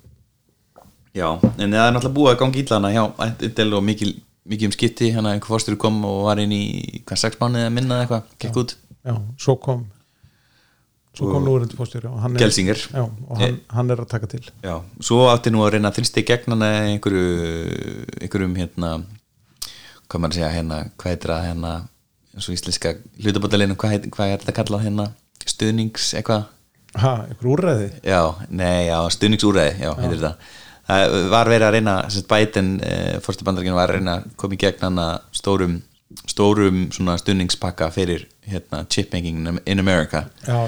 þess að berjast gegn örgjörðskortunum sem væri raunin að snerta sko, bílaframlendi þá sérstaklega sko. Það hérna, stoppaði í, nærþinginu og komst ekki lengra. En það er líka bara svo mikið vandamál þegar að veist, þessi fyrirtæki er svona stór og hérna að ríkisjóðnir ætla að fara að reyna að spilna við fótum sko, Mhm. að þau geta bara ekkit eitt jafn miklum peningum í þróun á þessum hlutum sko. nei, nei, þetta er líka protection sem er Já. kannski ekki beint sniðut og kannski endur á því að sóa pinningum skakriðandi reyna að búa til eitthvað, einhverja, einhverja gegja fab og svo bara kemur eitthvað left field eh, Samsung eða hana TSMC Já. og bara, úst, bara sóparir upp bara upp skiljum, þá ertu búin að eða ákslega miklu peningi að búa til allt og stóra örgjur og, Intel sem hefur ekki náð markmiðum sínum hefur ekki enn náð markmiðum sínum. Úst, af hverju að sóa peningum í Intel? Já, ég meina, þú veist, þetta minnir mér svolítið á samtalum sko, hérna, Open Run í Evrópu, sko, af því að af því að eh, sérstaklega er þetta náttúrulega frjó, frjó umræði Breitlanda því að breytar eigin teknifyrirtæki lengur sko, og sérstaklega ekki á þessum markaði. Og hérna, þeir eru hrættir við það breyt, breytar að vera sko háðir ykkurum einum eða tveimur aðlum og þegar það er búið að setja hálgildingsbann við nótkuna hóa viðbúnaði í Breitlandi að þá er bara Nokia og, og Ericsson eftir sko. og þá ætla breska, breska ríkið að fara að, að fjárfesta í OpenRAN tækni sem að geri það að verkum að, að, að það sé hægt að nota þá mismöndi kitt frá mismöndi vendurum sko, og blanda þeim saman og láta þau vinna saman en þegar að brettar breska ríkið er tilbúið til að eða 100 miljón pundum eða 200 miljón pundum í þróunu ópenrana þá er Ericsson og Nokia saman að eða 2 miljörðum sko, þetta er, er rosalega ójaf leikur sko. Já, ég held að hérna, það geti gert mikið fyrir traust svona á milli landa að það sé í rauninni hérna, kannski eitthvað sameinlegt uh, svona opið batteri kringum örgjara hönnun og, og fleira. Já, ég meina, ARM er, er náttúrulega opin hönnun það er- og var, var upprunna bresk. Já. en núna komið í hvað, er það ekki hjá Softbank en þá, nei, Nvidia kefti það síðan. Ha, var, var, var ekki, var ekki hérna, verið að leggja bann við þeim samruna? Ég man ekki leikunni, það var finnst það, það er allavega þá undir, til eftirlits ennþá. Já, mér minni það, það er ekki búið að gefa þessu. það en ég veit að, að hérna, markarsöflunir eru ekkit voðalega ána með Nei. þámbreytingu hérna, Nákvæmlega. Við viljum náttúrulega bara að ARM sé bara Swiss og hérna einmitt algjörlega hlutlust Herru, svo fyrir mér næstu fréttir. Hérna Netflix og Peloton Já. eru að hreinja í virði og hlutabröðmarkaði Já, þau eru kannski leiða lækkun tæknu fyrirtækja í bandaríkjunum í dag. Mm. En Netflix hérna lækkar í verði ekki af því að varan hafi versnað eða af því að það fækkaði áskrifundum eða eitthvað svo leiðis lækkaði verði af því að þeim bara fjölgaði ekki jafn mikið. Og. Samsvarandi ársfjörðung árið á undan sko, sem var náttúrulega COVID ársfjörðungur Þetta er samt rosalega dropp sko. Þetta úr, þetta er enda búið að vera núna í mánuði að droppa. Uh, COVID hefur náttúrulega bara verið hérna, farið vel með uh, Streymisveitur. hérna, og sér í Netflix. En sko Netflix er er náttúrulega gaman að segja svona, hefur verið með early mover advantage uh, og, og kom svona fyrst á borði og hérna gerir eitthvað sem í rauninni ekki drosna margir hefur trú á það hefði engin trú að því að Netflix gæti orðið stúdíu og fara að framlega og nú, nú bara, veist, það er bara að hleyja þessu fólki sko, það Já. er svolítið eins og hana, og Steve Ballmer Já. um hana Já, bara iPhone. eh, Steve, Steve, Steve Gates, en Bill Gates um hérna um hérna 56 kilobita mótem sko. Já, það var þetta tekið saman ekki En hérna, uh, 1. oktober 2021 þá, þá er Netflix með hvað, 690 per hlut Já. og er núna komin inn í 386 þetta er bara svo bitcoin fall sko. ja, Bitcoin er að rinja líka þannig, það, það er bara teknikerinn á, á Nasdaq í bandaríkjunum er bara Já. allur að lækka reynda búið að jafna sér svolítið í dag sko. en þetta- Netflix er, komið aftur til hérna 2019 í í, virði Já, það er eins og COVID hafa aldrei einmitt, það er svo COVID það hefði aldrei gerst Já. En hérna ég er samt hef trúið því að, hérna, Netflix hefur örgulega bætt fyrir sig alveg sko miljónum áskrifandi á þessu tímbili sem eru áfram hjá þeim. Kannski, kannski margir sem hafa sagt sig úr þessu. Já. En þess að segja sko, áskrifundunum er ennþá að fjölga. Þeim bara fjölgar ekki að pratt og það gerði þarna í, í hérna miður COVID sko. Einmitt, einmitt. Þannig að þannig að þetta er kannski svolítið panik en það voru nú margir sem bara heldu að þetta myndi hafa svona hvað heita, Berenstein hana effekt. Já, það væri svona ripple effekt og markaði væri bara núna að fara að rinja bara Bitcoin og Netflix eru bara fyrstu fyrirtekin að fara á og Peloton. Hérna, já. ég meina Peloton er á sama stað. Ég meina Peloton var hann vesnaði ekkert. Hún bara, veist, fólk fór bara aftur út að hefa sig. Það reyndar eru menn sem sagt uh, tilbúin karakterar í sjónvastáttum eru búin að rinja hjartaföllum á Peloton hjólum að það kannski hefur eitthvað smá Þetta er kannski að þetta er að segja. En ég- eins og ég segi, ég meina það er ennþá forríkir fórstjórar í bandarískum fyrirtækjum að, að nota Peloton og veist, þetta, er ennþá góð vara. Peloton er komið undir sérst, IPO verðið sitt. hérna, frum útbóðsverðið sitt tvær og tveir og hálfu miljardur hérna, í virði er farin að virðinu þeirra já og þeir hérna sko og það, það sem sést samt er að, að, að, sem sagt, að þeir sem eiga hlutabriðin sem ráðöllu að þeir eru ekki að þeir er alltaf ekki að selja fyrirtæki nei, nei. Nei, ég, hérna, mér líst vel á, á, á Pelton sem, sem sem vöru hérna, fyrir þetta mitt leiti sko, þá myndi ég ekki vilja ég sit í tölvu og ég, hérna, þegar ég vinn og þegar ég leik mér og hérna, reyfingi mín getur eiginlega ekki verið sittandi held, líka sko, Nei, það er svo tónt þannig ég mæli nú ekki með það sem kannski vinna á vinna á löpunum Já, fótunum. En já, hérna, en það verðist ekki vera. Markar, markar eru ekki svona að byrja að hrinja en það er einhver leiðritning á þessum mörgum sem hafa hallað í áttina í, sem sagt, í þeim, af þeim lífstíl sem COVID hefur Já. haldið okkur í. Já, og, og hérna, nú verða svona flesta ríkistöðnir vera á því að COVID sé búið. Uh, við fáum svona að sjá það kannski á næstu vikum já, þannig að það er bara við fyrir búið að þessi leiðritning er sér stað held ég. Já ég held að þetta sé ekki tilöfn til hafa hérna sérstakar svo- ekki, ekki strax allavega. Og svo er þetta náttúrulega ekki bara þessi er líka það að það eru sem sagt á þessum tíma þessum, tveimur árum núna er, er búið að koma með nýja streymiveitur Peacock uh, hérna uh, Apple TV Plus um, Disney Plus lánsaður, Disney Plus komið þess til Íslands uh, HBO HBO Max þannig að, að samkeppnin náttúrulega hefur aldrei verið eins og sko. Ég eins og Gulli hérna hefur hann er með eitthvað reglum að hafa bara tvær eða þrjá ára eða eitthvað streymi veitir og eitthvað ég er inni hérna hlustaði á þessi rauk og, og sagði Disney Plus og svo kemur Boba Fett inn og ég eitthvað, ah, shit, á mig, fá, fá mér aftur Disney bara Plus. sorry, Boba Fett er svo lélegt. Já, já, þetta búin að sjá fymta Nei, tjekka honum. Hérna um, um, en hérna og ég færði mig yfir yfir Amazon Prime og þá hérna það var alveg komið fullt þar þannig að þetta er eiginlega rétt, ég get alveg bara flakkað á milli já tæmt katalógin og, og farið svo á næsta já, einmitt, bara En að greisa á hérna, milli já. og, spurningin er bara sko hvar fær maður sko sagt, mest af gæðu framlýstefni fyrir hvern, eh, hvern hundrakall sem maður eyðir í áskrift sko. og Netflix er ennþá þar sko, að, að þú færð mest af, af framlýslu Mhm. fyrir hvern hundrakall sem þú eyðir í áskrift Ég held að sé enga líkur að ég sagt, gæti viðraða eins og ný að hérna, segja upp Netflix uh, gafast ægi, ægi væri bara með hart nei sko, en hún er alveg saman, hún var alveg saman Disney sko, Já. ég held að kunni ekki svona að fara inn í Disney Plus, ég, ég fór alltaf inn í Disney Plus fyrir hann sko, hann, hann veit ekkert hvað það er sko. Nei, nákvæmlega. En nei, ég meina, ég hef aðeins verið að nota Viaplay núna, það, ég meina það, þú veist án sportsins kostar það 600 kallar mánuði og Já. það er bara fínt efnið þar sko. Já, en á þessu nótum þá var að koma út íslensk gallupkönnun um hérna nokkur á streymiðum, hverjir telli sig að vera með áskölda hvaða streymiðu uh, sem var framkvæmd en bara, bara, bara þetta sko það var gerð könnun árið 2020 og þetta er sagt fyrir 2021 já, ok. Þetta er, þetta er ekki nýtt þetta er að síðast ári og hérna þannig erum við með hástökkara það er Viaplay, Viaplay alveg þýtur upp Já, uh, frá 2020 yfir, yfir 2021 En það er sennilega, verið það, var, það var sportið sko, Já, að, sport. að þau taka inn eh, hluta mistaradeild Evrópu á móti stöðtu Já, og, og, eru að lýsa leikjum og svona og ekki? lýsalegjum og Já. svo eru þau með formúluna líka þannig að það er mikið af formúlumönnum sem að kaupa Viaplay.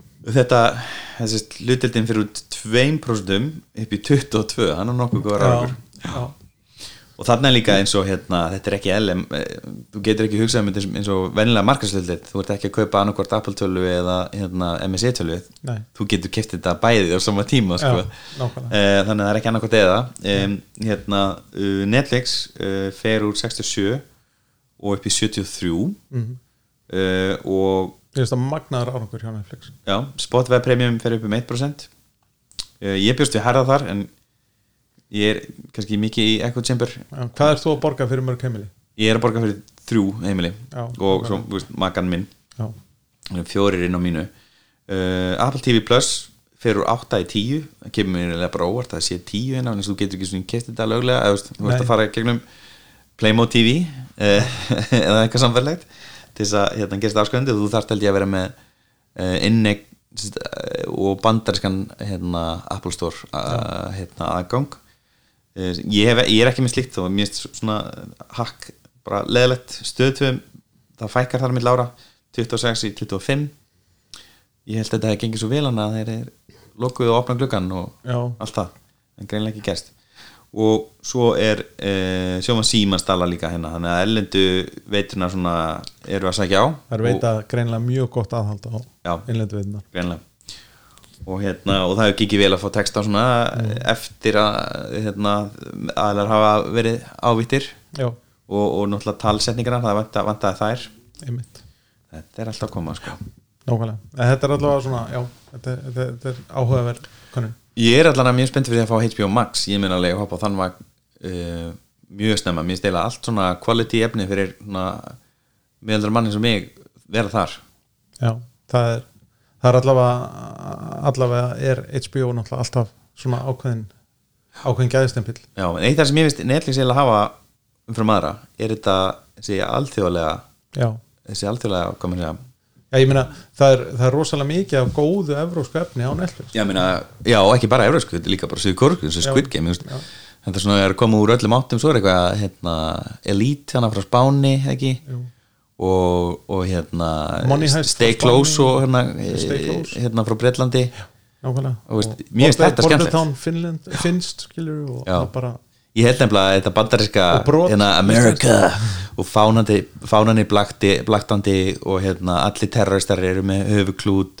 Þú veist, eh, þú veist á, hvað maður segja, þetta var svona tveir árat, áratugur að einhverju slíku eftir hérna eftir nægilega 9-11 eða svona einn og hálfur kannski og hérna, ég, ég var alveg nefnilega bara sikk á þessu þú veist, bara annarkværi þáttur var hérna einhverjir að handsama einhverju terrorista og bla bla bla og ég held að svona bandaríkst þetta er svona, svona gengið Einmitt. fram á okkur sko en hérna vonandi þannig ég er orðin mjög fyrir því að hóra bara á eitthvað annað heldur en bara bandarist Já, nákvæmlega, ég meina þess segi ég til dæmis eins og, eins og að því að ég er nú áskrifandi að, að, að sjónvarsímas premium Mhm. að það er mjög mikið af svona góðu kanadísku efni já, sem er bara svona hákjæða stöf veist og, og hérna vel leikið og, og hérna vel framleitt og svona og, og hérna hvað ég að segja það er, það er svona mm, stittri serjur heldur en þess að bandarísku kannski oft svona 8-10 þettir já, já. Bara mjög fínt sko ég er búin að horfa eitthvað svona rosalega amerískan þáttana á Netflix sem er örgulega búin til fyrsta á einhverja reaktionsrás sem heitir Manifest einhver flugvil sem hverfur sporlust Já, í já, já. fimm ár held ég. Netflix er að reyna að selja mér það ég, ég byrja á þessu. Já, ég sko, mér finnst þetta svona, þetta er svona rosalega le- mikið léttmyndi, þetta er ekkert eitthvað að fara að vinna neina, neinn velun sko og hérna, þetta er svona þægilegt að þú ert að gera eitthvað annað með þessu, kannski elda að þrýfa eitthvað svona, þú veist, popcorn einmitt og hérna, e, það eru fleiri heldur en tíu þættir. Og ég er bara svona hissa að sjá seríu sem var lengri heldur en tíu þættir á Netflix dag. Já, nákvæmlega. Það er ekki vanur, ég minna einu í gamla dag Star Trek var bara 24 til 26 þættir X-Files líka, þetta var bara ótrúlega 40 langar minnum þættir og, já, nákvæmlega. og Netflix er búið að brjóta þetta alveg upp sko. Já. og núna, núna er Netflix með Ozark sko, lokaseríun á Ozark sem er bara alveg frábært söf sko. Já, og þau splittin upp í tvent sko, uh, tve, tve, eins og hérna Game of Thrones gerði eins og nákvæmlega. Og Deathly. Hallows. Nákvæmlega. Harry Potter. Já, Já þetta er skemmtilegt, hérna, þetta er uh, skemmtilega markaður en ég myndi halda að það myndi hægast á hann núna Já. þegar fólk verður loksins að kíkja út fyrir hellinsinn já, það, er, það, það er svo, verður svo mikið samkeppni um þessa afþrengapeninga sko. einmitt, einmitt. Og það er svo mikið til sko. Já, já, herðu, hvað segir Samsung Galaxy Unpacked uh, viðbörunum leki í heildsinni Já, það er ekkert eftir. það Hvernig, er ekkert eftir að- það er ekkert eftir, að- eða? ekkert eftir að unpakka wow. og, og þessi, þetta er ekki Google aðferðin þar sem Google bara lekur alltaf sjálft? nei, hann hérna Evlíks, Evan Blas, hann bara hann bara lag öllu. Wow. hann sett út á Twitter hjá sér í gerkvöldi bara it's gonna be very leaky today. Uh, ok, og við erum sérst að tala um hana Galaxy S22 já, uh, sem fær aðeins rúnaðri hérna, útlit síðan sem er já og, er ekki hans kassa er samt á hliðanum hvernig, einhvern veginn svona kantar á þetta- svona eins og iPhone. Já, nákvæmlega. 12 plus og hann er, með, hann er með svona áhugaverða myndaðal uppsetningu og þú veist þetta kemur náttúrulega bara við erum að tala um frábært tæki sem að kostar pening og, og fullt af skemmtilegum litum. Ég sé þarna svona eh, hvað ég segja, ólífu græna sem er stókislega flottur. Mhm, hann er svolítið í tísku núna. Svo, svo kemur hann að Galaxy S22 Ultra sem er svona, svona fara í Note útlitið aftur. Já, nákvæmlega. Og ég meina, þú veist, ég stið það? Já, ég er alveg samanlega því. Þar, þar eru fimm linsur og þetta er bara 5 linsur, telephoto 11 og svo 36 Já. gráðu. Já, uh, ok. Já. 105 megapixla, nei 108 megapixla meginmyndavél. og tvær telefótor, sem sagt, ein sem er 69 mm ekvivalent og svo 230 já, ok. Já. Þetta, 40 megapixla selfie myndavél já, já, þetta er dásalegt spendi já, já, ég meina þetta bara, já, ef hann blast bara lagasvöld sem hann og, og hann, þessi á að kosta einhverja ásakið ég þarf að klippa þetta líka. 1450 eurur hann er að hann verður bara pricey já, og það verður bara fínt. Já. Ok, hérna, og svo er aðra góða fréttir hérna Samsung. Uh, hérna, það var tekju met uh, hjá Samsung. Um, hérna þau sem sagt uh, broke its both its quarterly and annual records for revenue in the fourth quarter of 2021 Já, ok. sem er sérst jóla hérna, jólakorterið. já, jólakorterið jóla, jólafjörðungur og hérna þetta eru hérna 43 43 miljardar dollara í sem sagt hérna hagnað sem, já, sem, er reyndar allt árið. Já. og hérna þetta er sem sagt 24% aukning uh, hérna sagt milli ára í tekjum.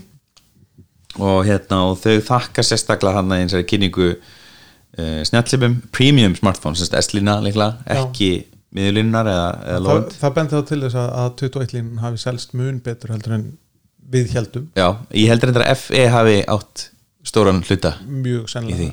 en það gæti líka verið að þessir samanbyrjóðalegu símar hafi, af því að þeir lækkuðu svolítið vel í verði og þeir eruðu mjög ábyrrandi Já, reyndar. tímabilið.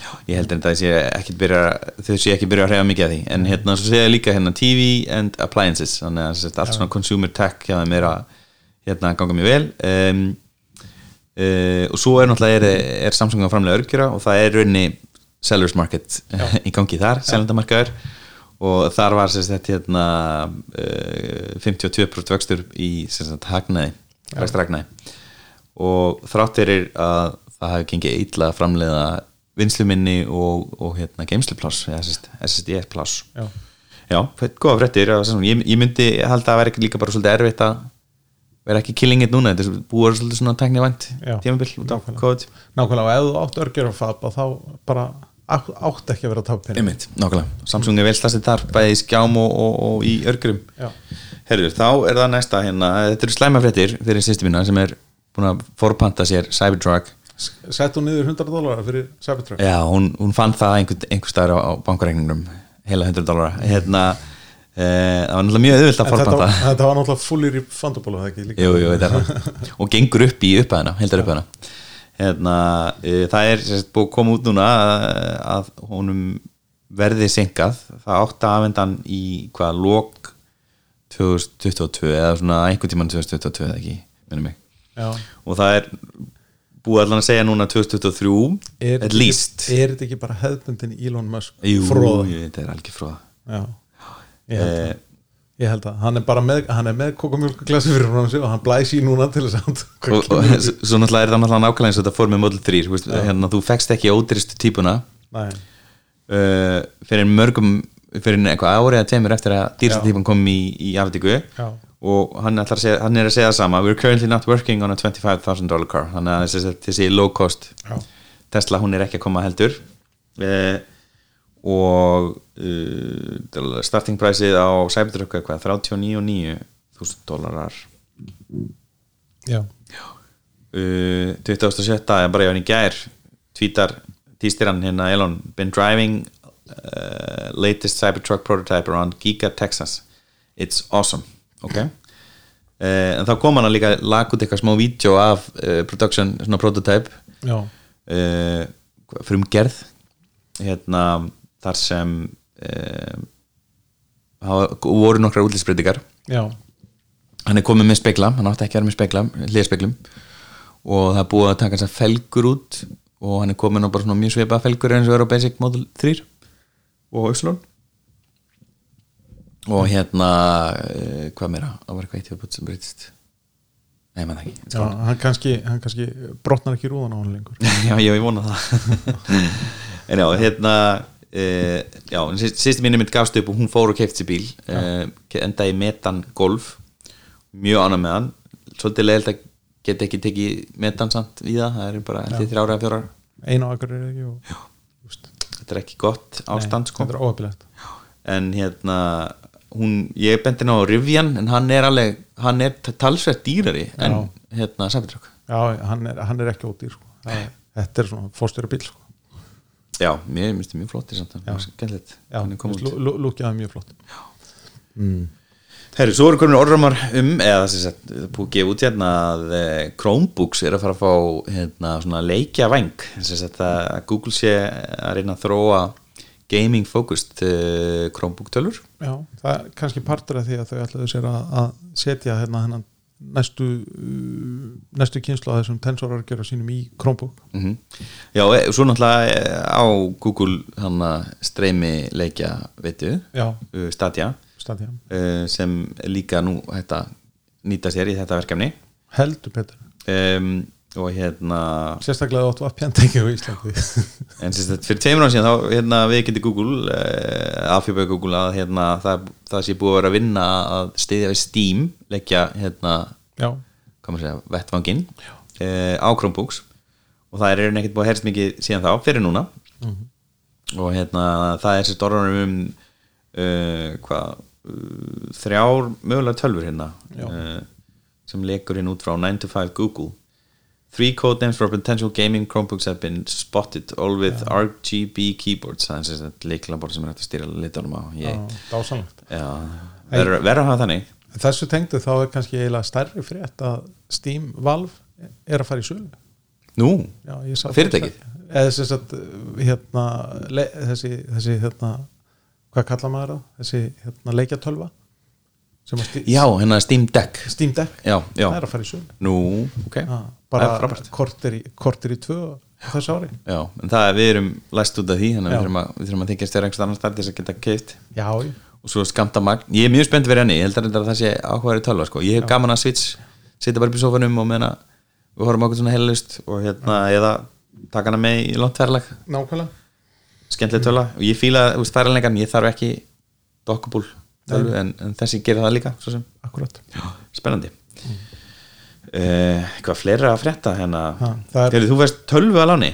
Já, ég fekk hérna, félagur okkar í mý búðinni. Þau hérna í, í ármála þau lánuðu mér hérna uh, spjaltölu af því að hérna, við höfum svona það, því hefur verið flekt fram að eina nota af spjaltölun sé iPad.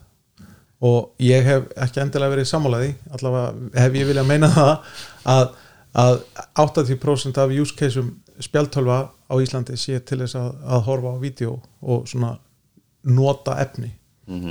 Og hérna ég fekk lánaða Mi Pad 5 sem er nýjasta, nýjasta paddin frá hérna Xiaomi. Já, sem er mjög líka einhver annar spjaldtölu hann er mjög lík ykkur annar spjaltölu það, það, það Ertu er- með hana? Eh, Nei, ég er ekki með hana. Ég glemdi henni en ég hef verið með hann núna í tvær vikur og hérna, ég þakka bara kjærlega fyrir lánið en þetta er, þetta er frábær spjaltölva og ef að þú vilt ekki iPad og vilt kaupa þér Android spjaltölu þá er þessi, ætti þess að vera alveg allavega í, í glugganum hjá þér hún er í sölu í dag, hvað hún er kostar í sölu 80 skall 80 skall, já, Já, ok. þetta er 11 tómi skjár þú veist, 16-10 aspekt eh, ratio sko og það eru mjög góðir hátalari í henni Gulli Gulli væri núna bara hættur að hlusta sko, þetta er 16 16.9 16.10 Ha, ég sagði 16.10 Já, er þetta 16.10? Já. Já, ok. Og hérna og Gulla sko. Skjárni bjartur og, og hún er bara mjög meðfærileg og, og, og það er álbody í henni Ég er ekki að finna þess að tölvu á mi.is það þá ferðu inn í við verslun smellir á tölvu og skrifstofurur ok og þar þriðji frá vinstri Já, Xiaomi Pad 5 Xiaomi Pad Heitir 5. þetta hana? já og hún fæst í þremur litum ég er bara með þessu svörtu leiðilegu en þetta er, þetta er allavega svo, og það, það er hægt að vera með penna við hana og það er hægt að gera eh, eitt vana hérna 120 Hz skjár Já. Dolby Atmos Dolby Atmos Hei, hei. Ja. Nei, ég meina, þú veist fyrir, fyrir það til dæmis að sitja upp í sofa og horfa eitthvað eða, eða lesa tölvupúst eða eitthvað þá, eins, og- ég segi, fyrir, fyrir lang, lang flestu use case sem fólk er að horfa í fyrir iPad að þá leysir þessi tölva það og, vel það rafleðandi ekki frábær, hún endist mér í heila viku Mhm. í svona bara blönda, blandari nótkun þannig að ég get bara sagt það að, að, að það er svo sannlega til Android uh, valmöguleiki Mhm. En veist, þetta er ekki iPad Pro. Ég veit alveg. Nei, það, er, það, er, það er alltaf öðruvísi sko. en, en, en það er líka allt, an, allt annað use case sko. Já, og allt annað verð. Eru, svo hérna önnur Xiaomi fréttina sem ég nægst á. Uh, Roborock S7 Plus já, þetta er eh, sem er uh, Riksu og Moppu boti. Hann er að fá hérna glimrandi dóma hjá The Verge. The first hybrid robot vacuum and mop worth buying. Já, sem gerir mér svolítið sáran því að ég á S6 og hún er með Ó. moppu og hún er bara fín já, but no, apparently not worth buying. Not worth buying. Uh, hún fær hérna 8,5 í ekun uh, af 10 mögulegum hérna, og fær glimrandi dóma í það að þrýfa hérna, parkett. Og uh, já, munurinn á minni og þessari er að moppan sagt, þetta er svona viðhengi sem ég set á mína. Uh, viðhengið liftist upp þegar að þessi fer yfir teppi. En hjá mér þá verð ég bara að segja henni þú ferð ekki það sem teppið er. ekki fara yfir teppið. Ekki það ég sé með teppi út af stana, nákvæmlega. þeir eru komin inn í geimsli já, og hérna uh, já, svo er svona dokka líka, emptying dock uh, og kostar þú- 950 dólar þessi, já. þessi típa. Hvað kostaði þín? S6 sko ég fekk hana á einhverju svartags tilbúði svörtum degi hefðbundi hitti verið fyrra. á 8-10 já, þúsund. einmitt. Alltaf þessi verði ekki svona 100 hún er náttúrulega með þessa dokku hérna sem hún er að tæma sig. Já, sem er, ég var einmitt að tala í pappa um hann á S6 líka já. og langaði að vera að kaupa sér upp í bústað. Ég sagði hann um, já þá myndi ég nú kaupa mér svona sem með sem getur losa sig hérna, og geimt kannski 10-20 skamta af reiki inn í einhverju, á einhverjum öðrum stað þannig að þú þurfur ekki að koma já, og einmitt. tæma regla, það bara er alltaf fínt hjá honum og bara kannski fyrir ekki svona takkið það fresti þannig að það er alltaf bara já. fresh and clean sko. Já, gott að heyra. Það er- er. Herru, svo er Google að googla. Að það er, það er allt farið að leka í það já, það, það, það er að koma hérna svona ódýr sími Ali, Alina. 6A 6A, hann á að vera með tensor og hann á örgjörunum og þetta, hann á að vera pínlítið í, í, í línu við, við hérna já, en með gamla myndavæli setupinu hérna, Sony sensorunum sem er bara tried and trusted sko. Og ykkur stað var ég að lesa að þetta vera svona cirka 350 dólar vermið á honum eða 400, það finnst mér frekalátt sko, og verður hann ekki minni? Hann verður aðeins minni 6,1 tóma. Já, svo er að koma nýtt Chromecast frá Google líka. Ok. En það er svona ódýrari variant. Hann ætti ætti að kepp, keppa væntalega við sko færstikk og þessa, þessa Já. ultra ódýru undir 40 dólara í bandarækjunum gengur eitthvað hjá þeim, þú veist, er ekki Roku og fæðist ekki bara að geta Já, hátíðsverðin þeirra? Já, sko, það er eiginlega færistikk og svo er Walmart með eitthvað svona, svona streymistikk líka sem að bara Vá, já, ok, mér langar ekki það. Nei, nákvæmlega. Já, og, hérna, og svo náttúrulega þetta blessað úr sem að búið að leggja og eitthvað, eitthvað meira. Þannig að allt bendir til þess að það verði 27. mæ á Google I og ykkur, ykkur slatti af dóti svona consumer vörum líka kynntum þá, já, ok, spendi við munum fylgjast mjög og fjallum það þegar það drefur ekki spurning. Herru, erum við ekki bara góðir í dag? Ég held það, Við þakkum Elko og Makland kellaði fyrir stuðningin takk fyrir mig